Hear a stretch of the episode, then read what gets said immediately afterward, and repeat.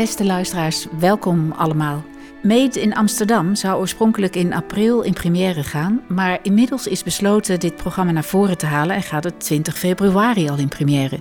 Hiervoor zijn nog geen live inleidingen in het theater mogelijk, maar wel een podcast online, bij deze dus. Mijn naam is Lin van Ellinkhuizen en ik ga in gesprek met Wupje Kuinersma, een van de choreografen. Zij is in 2021 benoemd tot Young Creative Associate bij het Nationale Ballet. En ik ben benieuwd naar haar carrière, haar nieuwe werk Anatomy of Light op muziek van Jacob ter Veldhuis, waarvan u bij aanvang al een fragment heeft gehoord, namelijk Rainbow Concerto. En ik ben benieuwd of en zo ja, wat de tijdsdruk voor consequenties heeft op haar choreografie. Wupke, welkom. Dankjewel. Je werd geboren in, in Cameroen en je studeerde in 1998 af aan Codarts Rotterdam. Hoe kwam je nou van Cameroen naar Rotterdam? Nou, de eerste drie jaar van mijn leven woonde ik in uh, Cameroen met mijn uh, familie. En toen mijn zusje naar school moest, uh, zijn mijn ouders terugverhuisd naar Nederland. En zo ben ik toen in het hoge noorden van Nederland beland. En heb ik mijn lagere en middelbare school, het gymnasium in Groningen, gedaan. En daarna ben ik naar de Rotterdamse Dansacademie gegaan in Rotterdam. Dus dat was in een notendop de reis. De hele reis. Maar wat, wat, hoe kwam je bij ballet en bij dans? Hoe ontstond die liefde? Ja, mijn nichtje uh, ging op balletles en toen deze één oefening voor, terwijl we bij mijn uh, opa en oma waren. En toen had ik zoiets van, nou, dat wil ik ook. En toen zijn we op zoek gegaan naar uh, balletles in de buurt van het dorpje waar ik woonde. En dat was in het volgende dorpje in een café. Dus mijn eerste balletles was uh, van eigenlijk een ex-danseres van Nationaal Ballet, Ellie Besse. En die gaf les daar op woensdagmiddag in het café, het buurtcafé. Dus mijn eerste lessen, ik weet de muziek nog van de eerste les, was aan een stoel in een café. En ik viel, ja, hoe zeg je dat? I fell in love. Ik werd meteen verliefd. en ik dacht, this is my thing. En ja, ja sindsdien. Dus. Sindsdien gaan dansen en heb je er je beroep van gemaakt. Want het is heel voorspoedig gegaan. Je bent gaan dansen onder andere bij het Staatstheater Nuremberg. Je hebt gedanst bij Jessex, het Gulbenkian Ballet, McGregor's Random Dance, het Danish Dance Theater.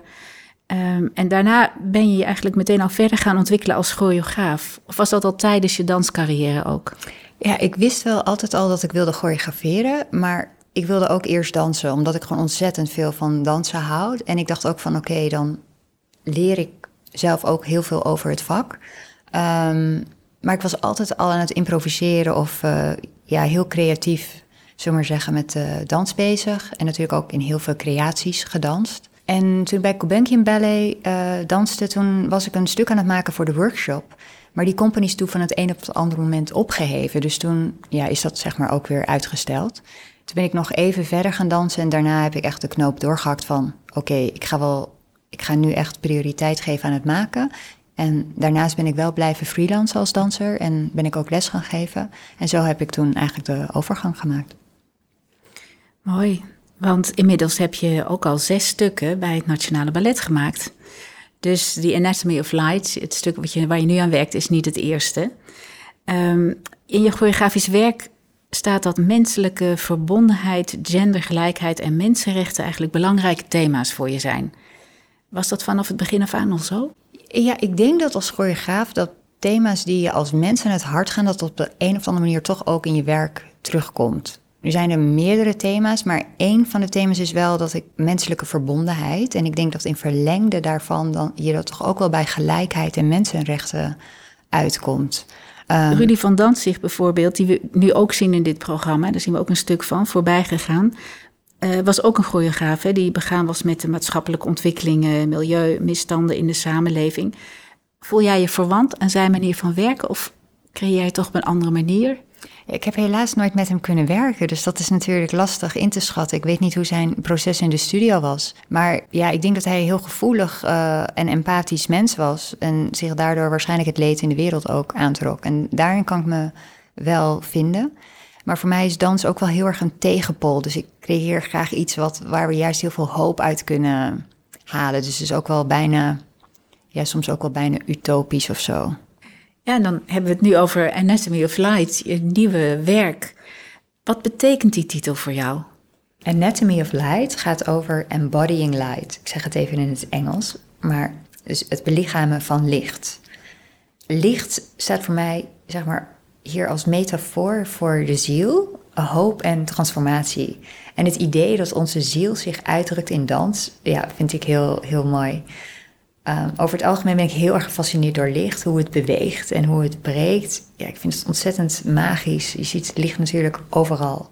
En ik denk dat dansen ultieme taal is om de energie en de beweging van licht in uit te drukken op een fysieke manier. En ja, ook uh, met menselijke emoties. En dat wordt natuurlijk ook opgepakt dan door de lichtontwerper Tom Visser. En, en in je decor, gemaakt door Tatjana van Walsem. Uh, hoe hebben zij jouw ideeën vormgegeven? Ja, het, was, het is echt geweldig om uh, met ze samen te werken. Ik had het idee van een, uh, een prisma als stage design. En dat heb ik dus met ze gedeeld. En zij vertalen dat dan weer verder. En ja, we hebben dat heel, echt met z'n met drieën werken we daar samen aan. Dus dat is echt heel leuk. Ik ben benieuwd, vooral ook hoe, hoe licht vorm krijgt in, in kostuum. En de muziek is van Jacob der Veldhuis. Hoe heb je zijn uh, muziek leren kennen? Ja, ik ging op zoek naar muziek die geïnspireerd is op licht, want dat leek mij mooi als dat zou lukken.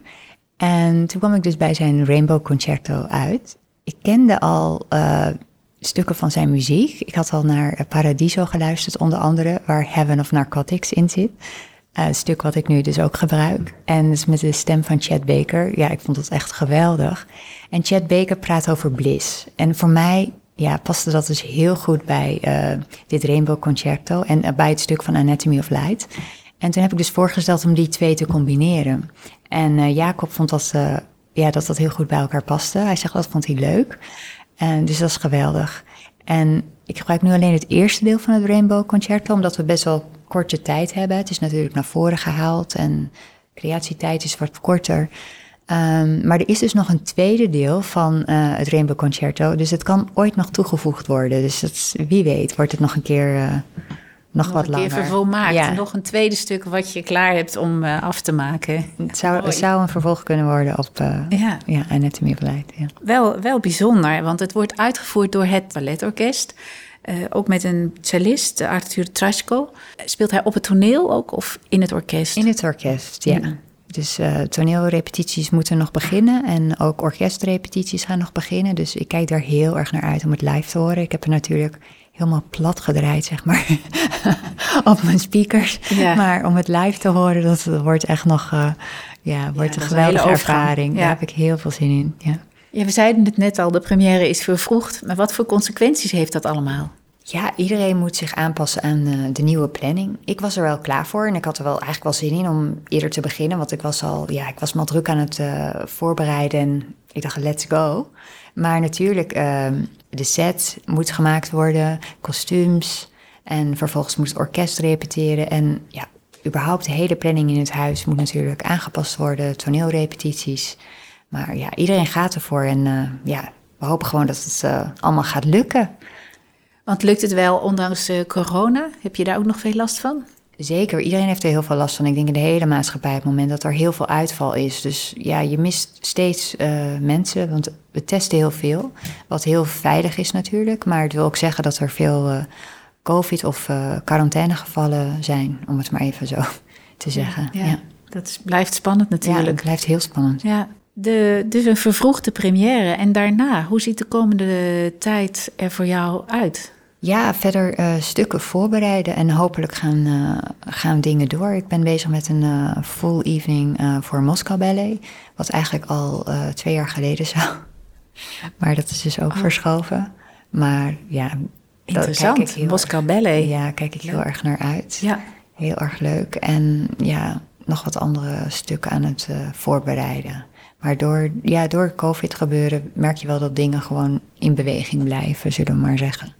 Um, Planningen zijn enorm ingewikkeld, hè? voor alle theaters eigenlijk. Ja. Spannend, maar ik ben zo blij dat het nu weer eigenlijk de goede kant op gaat. En ja, voor mij elke dag dat ik in de studio ben en met dansers kan werken, dat is gewoon ja, het allermooiste wat er is. Dus wat dat betreft ja, ben ik heel, heel blij. Wij ook, wij zien er naar uit om weer naar een echte voorstelling te mogen.